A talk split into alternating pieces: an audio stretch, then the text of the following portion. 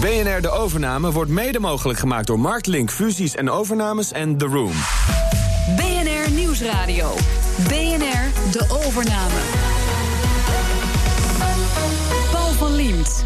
Alex Huigen reisde de wereld over als directeur van de gasdivisie van familieconcern SHV, waar hij verantwoordelijk was voor 8000 man en een omzet van 4 miljard euro. Maar toen hij met pensioen ging, koos hij niet voor het geëikte pad van de commissariaten. Hij ging ondernemen. Hij nam samen met zijn dochter en schoonzoon het Brabantse bedrijf Meeboe over. En dat is een fabrikant van staattafels. Dit is de overname. Nou, ik wilde eigenlijk altijd al ondernemen toen ik uh, studeerde. Ik deed allerlei klusjes en handelsactiviteiten. Maar hoe ga je ondernemen als je al wat ouder bent? We wilden eh, handelsactiviteiten doen, we wilden niet achter de toonbank staan.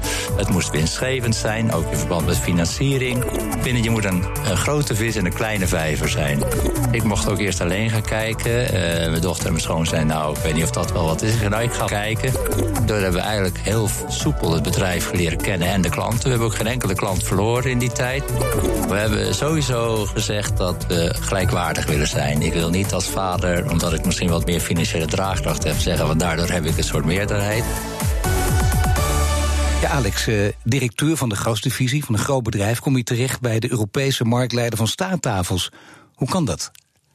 Ja, ik denk dat is een passie die ik al had toen ik jong was. Ik wilde mijn eigen bedrijf hebben. Maar je was toch bezig met studeren. Je maakt een carrière en eigenlijk kom je niet aan je eigen passie toe. Totdat je op een gegeven moment denkt: hé, hey, mijn carrière begint aan een einde te komen. Ik moet toch eens kijken wat ik nu ga doen. En uh, toen kwam het ondernemen weer boven. En het ondernemen zat er dus al heel lang in. Uh, hoe merkt u dat? Nou, ik wilde eigenlijk altijd al ondernemen toen ik uh, studeerde. Ik deed allerlei klusjes en handelsactiviteiten. Maar kun je iets noemen? Ik importeerde TL-verlichtingen uit uh, België, omdat ze daar een stuk goedkoper waren van Philips dan in Nederland, waar Philips ja. hier marktleider was. Ik, ik importeerde tennisrecords uit Pakistan, omdat ze daar hele goede hockeyclubs hebben, maar de tennisrecords minder bekend zijn. Nee, maar ik ben even meteen goed. overtuigd. Maar echt ook, uh, waren het ook succesvolle onderneming, of was het meer Nou, leuke ik verdiende hobby? er als student meer bij als dat ik uh, bijbaantjes had, laat ik het zo zeggen. Gek dat je daar er niet in doorgaat. Ja, dat was ook wel de bedoeling. Maar dan denk ik, ik wilde toch ook wel dat multinationale bedrijfsleven eens een keer meemaken. Dat leek me reuze interessant. En uh, dus ik ben gaan studeren. Ik heb bedrijfskunde gedaan uiteindelijk. En toen ben ik bij een grote multinational terechtgekomen. En uh, ja, dan kom je in een soort vaart ter volkeren terecht... waar ik ieder anderhalf jaar een andere baan had. En, en zo kan het leven lopen. Maar je had eigenlijk, was je meer in de wieg gelegd voor ondernemen. Ik zou bijna zeggen, dat zit dan gewoon meer in je bloed. Absoluut. Uh, maar ik zat bij zo'n multinational, een oliebedrijf... en die zijn heel dominant in hun markt. Dus daar kom je niet zo goed in aanraking met uh, business opportunities om een bedrijf eens over te Hoe nemen. ben je met die stroperigheid omgegaan in zo'n groot bedrijf als het ondernemen in je, in je genen zit? Dat viel wel mee. Ik zat bij een Amerikaans bedrijf. Amerikaanse bedrijven zijn toch wat ondernemender, geven meer vrijheid. Dus daar voelde, voelde ik me heel prettig. Uh, daar heb ik ook veel mogelijkheden gehad. Veel mogen doen. Ik ben ook uh, vrij snel doorheen gegroeid. Vond ik gewoon prettig. En daar voelde ik me heel op mijn gemak. Dus dat was niet zozeer een belemmering toen. Alleen de mogelijkheden om een eigen bedrijf te beginnen kwamen niet echt langs. Maar die kwamen er wel uh, toen je dus ouder werd en toen je afscheid nam van SHV. Uh, je ging geloof ik wel uh, commissariaten doen, althans het geëikte pad, hè, de commissariaten. Ja, dat was de eerste idee. Je gaat commissariaten doen, je denkt dat is leuk. Maar ik besefte tegelijkertijd dat je ook in je eigen wereld, in je eigen netwerk blijft. En ik, ik, had toch eigenlijk wel wat meer zin om mijn eigen dingen te gaan doen. Om gewoon voor mezelf dingen te doen, waarbij ik niet afhankelijk was van anderen. En toen kwam het ondernemen weer boven. Maar hoe ga je ondernemen als je al wat ouder bent? Uh, en je moet toch financieren met een bank als je een groter bedrijf koopt. Goeie vragen allemaal. Zeg, hoe doe je dat dan? Nou, ik, ik had natuurlijk het geluk dat ik een talentvolle dochter heb en een talentvolle schoonzoon, die alle twee een carrière maakten. En toen zijn we met z'n drie om tafel gezeten. Wat willen jullie met je carrière? Willen jullie blijven werken als, als werknemer en carrière doormaken? Of wil je ook ondernemer worden? En dat is eigenlijk positief beantwoord. En toen zijn we met z'n drieën heel gestructureerd aan het werk gegaan. Wie begon, wie begon met dat idee? Kwam je, je, ja, daar dus... discussiëren mijn dochter en ik nog steeds over. Als een succes wordt, is het ik jouw geef idee? haar de credits, maar dat... oh, toch, ja, ja, goede vader. Maar jullie doen het met z'n drieën dus. Uh, ja. Hoe zijn jullie vervolgens te werk gegaan? Dan moet je natuurlijk wel afspraken gaan nou, maken. Nou, we, we, hebben met, met z'n drieën een soort frame, framework opgezet van hoe gaan we dat nou doen. Toen hebben we nou, we moeten het eerst gestructureerd aanpakken, anders krijg je allemaal ad hoc ideeën op je afgegooid. En je merkt al snel dat dat niet eigenlijk is wat je wilt. we zeiden, nou laten we dan uh, een bedrijf gaan zoeken. Zo is Marklink bij ons in beeld gekomen. Waarbij we gezegd, we gaan aangeven wat we ongeveer willen. En we hebben toen opgesteld van wat we wilden. We wilden in een niche zitten. We wilden handelsactiviteiten doen. We wilden niet achter de toonbank staan. Het moest winstgevend zijn, ook in verband met financiering. Uh, en we wilden niet in onze eigen achtergrondgebieden zitten. Zodat Waarom er niet? primus inter pares zou zijn. Anders zou er eentje dominant worden die zegt... ik ken deze sector en ik weet wel hoe het moet. Onbekende sector voor jullie alle, Alle drie een Mag ik er onbekende nog eentje uitpikken en een niche vind je ook een belangrijke. Waarom die niche? Niche is belangrijk. Ik vind dat je moet een, een grote vis in een kleine vijver zijn. Als je een kleine vis in een grote vijver bent... dan hobbel je mee op de golven van de zee. Je kan eigenlijk niet bijsturen. Als het slecht gaat in een sector, hobbel je mee naar, naar beneden. Als het goed gaat, ga je weer naar boven. Als je een, een grote vis in een kleine sector bent... dan kan je gewoon veel meer invloed hebben. En als je marktleidergedrag tentoonspreidt... kan je dat ook gewoon afdwingen. En dat is wat je moet doen als je in een niche zit. En dat vinden wij heel prettig. En is ook vaak winstgevender. En jullie hebben de markt eh, verkend en dan ben je het een en ander tegengekomen. Kun je wat voorbeelden geven? Ja, we hebben ontzettend veel bedrijven gezien. Dat was sowieso leerzaam voor ons alle drie. Uh, maar we hebben altijd gezocht naar nichebedrijven. En we hebben echt leuke ervaringen. We hebben bedrijven gezien die uh, fantastische design haarden maakten en over de hele wereld verkochten. Hadden we natuurlijk de vraag: zijn we creatief genoeg? We hebben bedrijven gezien die rondom fruitautomaten allerlei lichtinstallaties maakten, zodat ze lekker flitsend uitkomen. Dat klinkt goed. Ja, dat klonk heel goed. Maar toen ik vroeg of dat bedrijf bij mij paste, toen zei de eigenaar: Ik denk het niet. Hij had wat kettingen om, wat gouden kettingen. En hij dacht al dat Ja, dat niet bij kijk mij even naar paste. je die markt? Nee, inderdaad, een, een cakey Mijn broek, dochter een vond hij en wel heel geschikt daarvoor, maar ja, Wat dan hadden kalende, we... man met een bril. En ze dachten van, eh, dat past niet. Nou, dochter wel. Nee, dat paste niet, deed ik wel. Maar, Maar eh, hebben jullie dat echt meteen... Je kunt ook denken van, nou weet je wat, laat ik eens gek doen. Ja, we hebben daar altijd, we hebben iedere keer met z'n drieën uitgebreid geëvalueerd eh, daarna. We gingen altijd naar eh, een fastfoodrestaurant daarna meteen om even te evalueren. En eh, bij deze kwamen we wel tot de ontdekking dat dat toch misschien niet helemaal paste. Want we hadden natuurlijk alle drie als individuen sterktes en zwaktes. En we keken natuurlijk hoe konden we onze sterktes en zwaktes het beste bij zo'n bedrijf tot Want je uiting zou jou eerder bij SHV inderdaad, waar je gewerkt hebt... of bij een bank eh, verwachten en dan niet eh, bij, een, bij, bij zo'n automatenhandel. Nee, ja, ik had het wel leuk gevonden misschien, maar... Is er nog meer voorbij gekomen? Eh, een aardig bedrijf dat bijvoorbeeld vonden was een bedrijf wat eh, stijgerpaaltjes maakte. Dus elektriciteit en watervoorziening voor schepen. Ontzettend leuke markt. Ook eh, een relatief kleine markt, maar weinig spelers. Echt Echt een een niche. niche. Eh, maar goed, sommige bedrijven waren misschien al wat te ver in, eh, in het verslechteren van hun financiële resultaten. En het was duidelijk dat in de tijd dat toen wij bezig waren met onze acquisitiebanken al zeiden: een bedrijf moet winstgevend zijn. Eh, turnaround bedrijven zijn wat minder in geïnteresseerd. Dus we moesten gewoon, en dat wilden we zelf ook, een bedrijf hebben waar je eigenlijk gelijk mee naar voren kon gaan. En onze kennis en konden gebruiken om te groeien, internationaal te groeien. ook. Nou, moet je kijken. En dan kom je dus bij Meeboe uit. Maar ja, eh, staattafels, dat is ook niet iets waar je meteen dan denkt van... eh, daar ga ik eens lekker mijn tanden in zetten. Nee, dat was ook het eerste. Ik mocht ook eerst alleen gaan kijken. Eh, mijn dochter en mijn schoon zei, nou, ik weet niet of dat wel wat is. Ik zei, nou, ik ga wel kijken. en toen ik daar kwam en rondliep, zagen we eigenlijk dat alle dingen die wij hadden opgesteld, tik de box waren. Dus het had productie, het had internationale basis, we konden groeien, eh, het was niet te groot, er zat geen zwaar managementteam op, dus we konden met z'n drieën gelijk allemaal eh, goed actief worden. En zo tikten we al die box af. Zei ja, het was ook de goede grootte, een man of 15 personeel, niet te groot, niet te klein. Toen zei je, goh, eigenlijk was dat een bedrijf wat paste. En geen concurrentie, of bijna geen concurrentie. concurrentie. En, of concurrentie die deze niche aan het front achtzamen was. Dat is eigenlijk wat je ziet. Dat mensen willen altijd door naar mooiere producten. En wij zeiden nee, we willen gewoon blijven bij de basis. Goede, kwalitatief goede Maar staattafels. kwamen jullie er snel uit? Waren jullie toen snel ook omdat je denkt, nou, we tikken alles af en eh, alles blijkt overeen te komen, dus laten we het maar eigenlijk gaan waren we er vrij snel uit. Omdat eh, vaak zie je natuurlijk de ondernemers ook hun bedrijf toch wel willen verkopen aan iemand die daar geschikt voor is of die erbij past en die zo'n bedrijf door wil voeren. Wij hadden geen synergieën. We konden dus niet zeggen we gaan het samenvoegen met een ander bedrijf en we gaan allerlei dingen eruit gooien. Nee, wij zouden het op dezelfde voet door laten groeien en alleen meer actief en intensiever en misschien wat nieuwe ideeën toevoegen. Die overname, is die vervolgens ook in, in één klap gelukt en heel snel gegaan? Ja, We hebben, wat heel belangrijk voor ons was, omdat we geen specifieke kennis van dat, dit product hadden, hebben we de oud-eigenaren zes maanden aan boord gehouden. En toen hebben we eigenlijk heel soepel het bedrijf leren kennen en de klanten. We hebben ook geen enkele klant verloren in die tijd. Dus we hebben een hele sound basis om uh, toen zij vertrokken door te gaan en te gaan groeien. En dat is ook wat we nu doen. Um, de overname financieren, dat is vaak een wat lastige zaak. Ging dat in jullie geval met gemak of niet? Uh, nou, we hadden zelfs problemen dat de banken ons overqualified vonden voor een uh, middelgrote onderneming. Dus die hadden zoiets van: zijn jullie wel gemotiveerd? En misschien wel nu gemotiveerd, maar ook langere termijn gemotiveerd. En een hoop banken zaten daar wat te aarzelen. Toen zijn uiteindelijk met de Rabobank zover gekomen dat ze zeiden: joh, wij hebben daar vertrouwen in, vinden het een leuk team, jullie visie op wat jullie willen doen. Maar het is om te weten hoe, wat is de reden dan? De Rabobank zei: we gaan met jullie in zee? Uh, het team. We hadden natuurlijk met z'n drieën deden we natuurlijk een, een, een, echte promotie van wat we wilden. Maar met onze team visie. maakte dat wat uit dat jullie familie waren? Dat vonden ze een, een extra. Vonden ze, vonden ze aardig. Maar uh, er werden altijd wel vrij kritische vragen gesteld. Van joh, uh, familie kan ook een probleem zijn als je ruzie krijgt, et cetera. Dus we Logische hebben wel moeten ook, praten ja. over hoe we dat zouden aanpakken. Hoe we als team zouden werken. Hoe de verhoudingen zouden zijn. Daar hebben we ze wel van moeten overtuigen. Daar moet je straks wat meer over vertellen. Maar het bedrijf werd ook geleid door de twee eigenaren. En ja. die kun je er meteen uitzetten. Of je kunt zeggen, weet je wat, doe het maar voor twee maanden als overgang. Hoe hebben jullie dat geregeld? Nee, we hebben gevraagd of ze zes maanden wilden blijven. Dat is ook onderdeel van de overdracht, daarover van de, van, de, van de transactie. Maar dat was voor ons heel prettig, want daardoor konden wij eigenlijk alle briljante ideeën die we in het begin hadden, natuurlijk meteen toetsen aan de realiteit.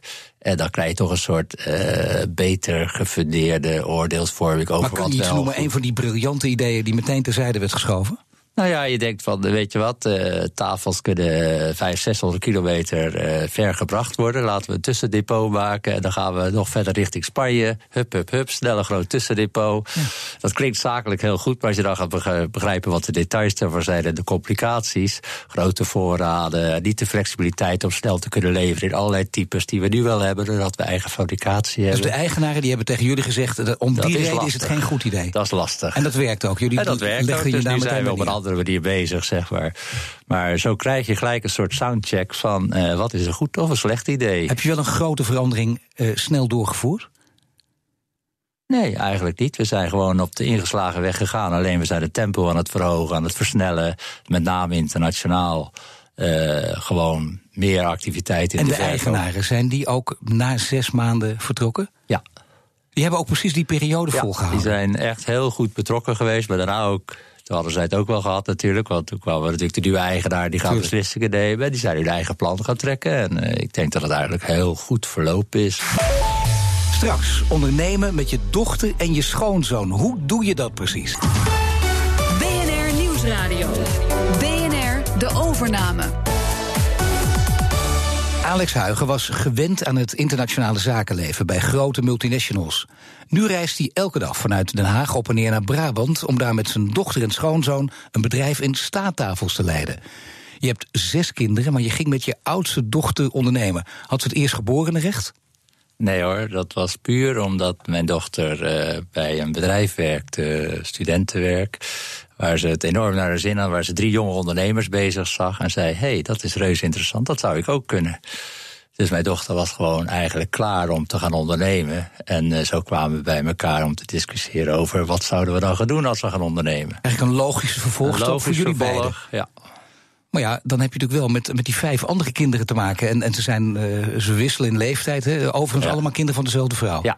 Ik vraag het voor de zekerheid even. Ja. Uh, hoe reageerden de andere kinderen op dit plan? Nou, we hebben het uitgebreid met ze doorgesproken, wat we gingen doen. En we hebben ook altijd gezegd, als jullie zelf wat willen doen, als je ondernemen wil, nou dan gaan we gewoon kijken wat we daarvoor kunnen regelen. Dus, Dus, elk eh, kind een eigen bedrijf. Als ze dat zouden willen, zou dat kunnen. Ja, Absoluut. echt serieus? Ja hoor, Dus als ze nu luisteren en ze denken, we wisten het nog niet, maar papa, eh, ik wil een bedrijf van je, dan kan dat. Absoluut. Ik denk dat ze zelfs soms wat meer stimuleren om het te doen dan, dan ze zelf willen. Maar nee, dat zou kunnen, absoluut. Maar dit is de eerste dus in de Ja. familie. Jij met je dochter en je schoonzoon. Eh, hoe heb je de eigendomsverhoudingen geregeld? Nou, we hebben sowieso gezegd dat we gelijkwaardig willen zijn. Ik wil niet als vader, omdat ik misschien wat meer financiële draagkracht heb, zeggen van daardoor heb ik een soort meerderheid. Het feit dat we alle drie een gelijk aantal aandelen hebben, maakt het ook nodig dat we overleggen om tot beslissingen te komen. En dat is reuze prettig, want dat zorgt ervoor dat we hele gewogen beslissingen krijgen, waarbij jong met enthousiasme en ideeën van de huidige samenleving en oud zoals ik, zeg maar, met ervaring en kennis oud ben je, van zaken. Mag? Ik ben 65. Nou, dat valt nog wel mee, toch? Ja, maar toch. Waar merk je dat dan aan, eh, dat, dat verschil in leeftijd als het om beslissingen gaat? Uh, ik denk dat de jonge generatie snel reageert, snel met de social media werkt, ook snel geïnformeerd is. En ik ben wat meer natuurlijk nog gebaseerd op basis van kennis vergaren, gewogen beslissingen nemen en dan een soort uitvoeringsplan gaan maken. En je ziet dat de jeugd natuurlijk veel sneller schakelt, dus ik moet soms ook wel wat sneller schakelen. Uh, is dat, misschien om dat woord maar te gebruiken, is dat eng? Nee, is helemaal niet eng. is fantastisch leuk. Nou ja, omdat je je leven lang anders gewend bent ja. natuurlijk. Gewogen beslissingen en opeens moet je dat snel doen. Dat je denkt, oh, wacht even.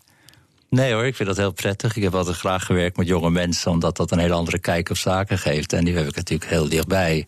Maar nu zijn de verhoudingen dus ieder een derde? Allemaal een derde. Er is ook nog een informal investor bij betrokken. Uh, maar die heeft geen uh, actieve bemoeienis met de uitvoering van het Hoe werkt het bij beslissingen? Is het altijd 2-1? Of is er, mag iemand zich ook aan stemming onthouden en is het 1-1 en staken de stemmen? Komen eigenlijk nooit zo ver. We, we, praten tot we een oplossing hebben. En we hebben eigenlijk geen formele stemronde. Dat komt er eigenlijk. Ik heb het er niet meegemaakt. Nou is het aardige dat jij bij jezelf heel jong ontdekte dat je dat ondernemersbloed in je hebt. Mm. Ook al ben je dan een andere kant op gegaan en ben je dan nu weer aan het ondernemen. Je kunt waarschijnlijk ook heel goed bij je eigen kinderen zien of ze dat ondernemersbloed uh, in zich hebben. Zie je dat bij andere kinderen van jou ook? Ja, ik denk dat ik een redelijke kijk heb op welke kinderen ondernemersbloed zouden hebben en dat graag zouden willen doen en er ook goed in zouden zijn. Eh, ik denk dat is natuurlijk mijn hele managementervaring uh, geweest om mensen te onderkennen op hun kwaliteit. Hoe herken je dat bij je eigen kinderen? Ja, bij je eigen kinderen zie je natuurlijk al heel lang dat ze zich ontwikkelen. En je ziet in welke kant ze zich ontwikkelen en wat hun sterktes zijn. Dus... Maar waar zie je dat aan? Of iemand echt ondernemersbloed in zich heeft? Hoe uitzicht dat? Uh, dat is een goede vraag. Ik denk toch aan de, aan de, aan de, aan de intensiteit van het nemen van beslissingen op gebied van zakelijke gronden. Uh, ik heb dochters die in de pedagogie zitten en zo, die hebben toch een heel ander soort uh, prioriteit dan iemand die zakelijk bezig is en die toch snel schakelt en winstmogelijkheden ziet of mogelijkheden en kansen ziet. Dus dat soort, soort cultuur in een kind zie je natuurlijk snel bovenkomen. Het heeft ook met risico's maken. Risico nemen, absoluut. Het is ook iets wat zich moet ontwikkelen natuurlijk. Nou, maak je afspraken, hebben jullie dus ook gedaan, ook in die eigendomsverhoudingen. En je gaat op een zakelijke manier met elkaar om. Maar ja, aan de andere kant, je ziet elkaar ook privé. Hoe, hoe gaat het dan? Zijn de verhoudingen zakelijk en privé hetzelfde of toch iets aan het verschuiven? Nee, die zijn anders. Uh, we hebben natuurlijk een groot gezin, dus we zijn ook uh, in grote groepen samen. En dan is het natuurlijk niet zo handig om met z'n drietjes over zaken te gaan praten. En dat wordt je ook wel ontnomen in de grote familiediscussies. Hoe werkt dat dan? Ja, de zakelijke onderwerpen komen eigenlijk niet echt boven. In, Als het wel gebeurt, dan is er ook iemand die dat meteen even afkant. Nou, ja, dat ook wel, ja. Maar wie doet dat dan? Nou, eh, mijn kinderen zijn allemaal redelijk mondig. Dus nee hoor, dat gaat eigenlijk vanzelf. Ik bedoel, er komen zoveel andere onderwerpen aan de orde... dat, dat eigenlijk het bedrijfsonderdeel dan uh, absoluut niet meer op de voorgrond staat. Je ziet wel vaak als mensen gaan samenwerken... want voor jullie toch een hele stap. Hè? Ik bedoel, mm. dat je dat gaat doen met, met harde afspraken, harde zakelijke afspraken. Is de relatie daardoor ook enigszins veranderd met je dochter en met je schoonzoon... door dat samenwerken? Ja, de relatie is veranderd. Er is van mijn kant nog meer respect gekomen voor hun uh, kwaliteiten en voor wat ze allemaal kunnen. Dat zie je natuurlijk niet als ze zelf in hun eigen werkzaamheid zijn. Dan hoor je de verhalen. En nu zie ik ze natuurlijk bezig. En dan ben ik echt onder de indruk wat ik soms zie. Denk, wauw, dat is heel goed. Dus uh, in die zin is het respect eigenlijk alleen maar gegroeid. Is dat omgekeerd ook het geval of niet? Dat weet ik niet. Dat zou je aan hem moeten vragen. dat hebben ze nog niet gezegd. Nog niet laten merken ook. Ik geloof niet dat het niet zo is, maar ik heb het niet gevraagd. Natuurlijk. Maar ze hebben nog niet gezegd, het is onbegrijpelijk dat die man bij SHV zo hoog geklommen is. nee, dat, dat, zeggen ze niet. Ik heb het niet gehoord. De rollen binnen het bedrijf is natuurlijk belangrijk. Hè? Wie doet precies wat? Uh, dat kun je heel nader omschrijven of je Hmm. kunt dat heel vrij laten. Wat hebben jullie gedaan? Wij hebben voor een, een hoofdbenadering gekozen... waarbij uh, allerlei praktische grondslagen meespeelden. Ik spreek, ik spreek Frans en Duits en Spaans een beetje. Dus ik heb die markten voor verkoopontwikkeling genomen. Mijn dochter spreekt uh, goed Engels, dus die heeft Engeland, Scandinavië genomen. En uh, zo hebben we gesplitst ten aanzien van verkoopgroei. En mijn schoonzoon is operationeel en uh, IT-technisch heel goed. Dus die heeft eigenlijk de interne organisatie van het bedrijf en de productieaansturing opgenomen.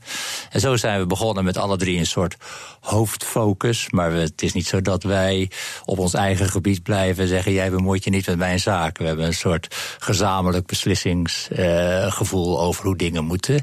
Maar we hebben wel een eerste benadering. En het kan best zijn dat we na verloop van tijd misschien die focus uh, veranderen. Het is niet zo dat we zeggen dat is uh, helemaal vastgelegd, dit moet zo blijven. Maar de focus is wel internationaal. Dat vinden Absoluut. jullie alle drie dus echt ja. duidelijk gericht de op groei. groeien. moet vanuit internationaal komen en mogelijk van acquisities van bedrijven die in dezelfde niche actief zouden zijn, zodat we toch uh, groeien zonder dat we eigenlijk een soort conglomeraat van bedrijven krijgen. En zouden jullie ook buiten Europa willen groeien? Ja. We zijn zeker naar Amerika aan het kijken, omdat de dollar uh, natuurlijk heel uh, sterk is ten opzichte van de euro. Dus Amerikaanse ja. bedrijven kunnen makkelijk inkopen. Wij zijn productietechnisch even efficiënt als onze collega's die het in China zouden maken. We zijn misschien wat flexibeler. Dus, wij Jullie kijken dus ook naar de Chinese markt? Nou, de Chinese markt qua productie, uiteindelijk misschien ook wel als verkoop. Maar Amerika is natuurlijk een veel logischere markt, omdat die eigenlijk nu alles in China inkopen. Uh, de dollar is sterk. Je ziet hoe meneer Trump met China omgaat. Dat zal geen grote liefdesverhouding worden. Dus nee. wij zien daar echt wel kansen. Dus we zijn ons nu aan het voorbereiden om uh, te kijken wat we daar zouden kunnen doen. En we dus zien met, dat dank onze... aan, met dank aan Trump uh, gaat uh, Meeboe enorm groeien. Wie had dat gedacht? Ja. Dat zou best kunnen, ja. Hij zal zeker uh, helpen uh, in die uh, sfeer. En we hebben gezien dat onze producten gewoon ook in Amerika gebruikt worden. En we weten dat ze dan toch uiteindelijk uit China of zo komen. En daar kunnen we tegenop qua efficiëntie van productie. Dus straks heel Amerika bedolven onder de, mee, de. Dat zou heel mooi zijn. Nou is het wel natuurlijk ook lastig in zo'n bedrijf... als je met leeftijd te maken krijgt. In die zin, je zegt zelf, want ik ben 65. Mm -hmm. niet heel oud, maar ook niet de jongste meer. En dan ga je ook over pensioen nadenken. Nog twee jaar officieel dan. Uh, is dat bij jullie afgesproken of is het ook helemaal vrij? Nee, is helemaal vrij. Uh, het is wel zo dat we beseffen dat we het bedrijf zo moeten laten groeien dat we binnen een jaar of vijf ook uh, professioneel management op het bedrijf kunnen zetten. En dan kunnen we daarna kijken of we met dit bedrijf alleen verder gaan, of misschien wel nieuwe bedrijven gaan kopen, of misschien wel een heel ander bedrijf gaan kopen. En dan is het de tijd te zien of ik daar actief aan meedoe of niet. Maar het zou zelfs kunnen dat je denkt: uh, ik stap eruit over een paar jaar en ik ga met kan. een van mijn andere kinderen een ander bedrijf beginnen. Zou allemaal kunnen. Heb je al stiekem iets in je hoofd dat de kinderen nog niet weten en dat ze misschien nu voor het eerst op de radio horen? Dat nou, is het leukste. Ik, zou, ik heb één dochter die is heel erg met evenementen bezig. Ik zou het heel leuk vinden om met haar een keer een evenementenbedrijf op te zetten. Maar... Hey, en weet ze dat al of niet? Ik heb het wel eens geseind, maar ze is nog wat voorzichtig. Welke richting, wat voor wat evenement vind ik wel een beetje ruim omschreven? Nou, uh, wandeltochten, uh, dat soort dingen is een hele enorme groei is daarin bezig. En je ziet dat er heel veel vraag naar is, ook met de vergrijzing van de, van ja. de samenleving. Klinkt wel goed als een voorzichtig evenement, zou ik bijna zeggen. Dat is dan een hele je... leuke sector, ook weer een niche. Die, dus, maar goed, ik zal dat met mijn dochter moeten bespreken, want anders dan krijg ik het zeker te horen. Nou, dat... dit is in ieder geval uh, opening zetten. Je ja, lijkt Trump absoluut. wel uh, naar China gewoon en dat via het openbaar ja. spelen. Dan zijn we bijna aan het eind uh, gekomen van de uitzending. Ik heb geen vraag meer. Uh, die vraag komt namelijk van de vorige ondernemer in deze serie. En dat is uh, Jeroen Bakker van speelgoedfabrikant uh, Nico. Daar komt hij. Beste Alex, ik, ik hoor dat jullie familiebedrijf zijn. En wat mij intrigeert is bij familiebedrijven... en zeker ondernemers die een vrij groot bedrijf opzetten... hoe houden jullie het vol zonder onnoemelijke ruzies te krijgen? Want de meeste, meeste ondernemers zijn eigenwijs. En met een familie moet je met z'n allen constant om de tafel zitten. Dus ik ben heel erg benieuwd. Ja, Alex, je moet eerlijk reageren. Het gaat nu over uh, ruzie krijgen binnen families. Dat is ook lekker, dat mag ook, we kennen elkaar. Hoe hou je dat binnen het bedrijf een beetje in de nou, hand? Ik heb er eigenlijk al over gesproken. Het, het meest simpel is zorgen dat er niemand uh, meer te zeggen heeft dan een ander. We zijn volledig gelijkwaardig. En dat betekent dat je eventuele verschillen van mening in overleg moet oplossen. Je kan het niet opleggen. Je kan het ook niet uh, afdwingen met een uh, meerderheid in besluitvorming. Dus je moet gewoon zorgen dat je gelijkwaardig blijft. En dan word je gedwongen om uh, tot overleg te komen en het op te lossen. Maar kun je en dat af en kan, toe dat kan een- hele heftige discussies zijn. maar je weet dat je niet het, het, het, het uiterste dwangmiddel hebt van ik heb de meerderheid, dus ik beslis lekker. En dat maakt de discussie een stuk dat is een eh, belangrijke. beter. Maar gaat het er af en toe toch iets emotioneler aan toe dan eh, bij Kan SHV? best. Nou, bij nou. Nee, eigenlijk niet. Gewoon zakelijk. En eh, soms heb je wel eens verhitte discussies, maar dat is ook in een groot bedrijf zo. Maar er vallen geen. eh, er wordt niet gevloekt. Eh, nee, weinig. Dan mag jij nu een vraag stellen aan de volgende ondernemer. Dat is Henk van Koeveringen. Je weet wel, hij verkocht roompotvakanties. Dat deed hij 40 jaar nadat hij het had opgericht. En wat is jouw vraag aan Henk van Koeveringen? Nou, Henk is uh, denk ik uit het Zeeuwse land afkomstig. Dus ik vraag me af, met zo'n internationaal bedrijf... gaat Henk terug naar het Zeeuwse land... en lekker genieten van de Zeeuwse omgeving? Of wordt hij een, uh, een rijke ondernemer... die daarna vijf sterren hotels gaat afreizen over de hele wereld? Henk, wat ga je doen? Dank je voor dit gesprek. Dank je wel. Dank je wel. Dit was de overname. En u kunt dit programma terugluisteren via bnr.nl/slash overname. BNR De Overname wordt mede mogelijk gemaakt door Virtual Volts en Marktlink Fusies en Overnames.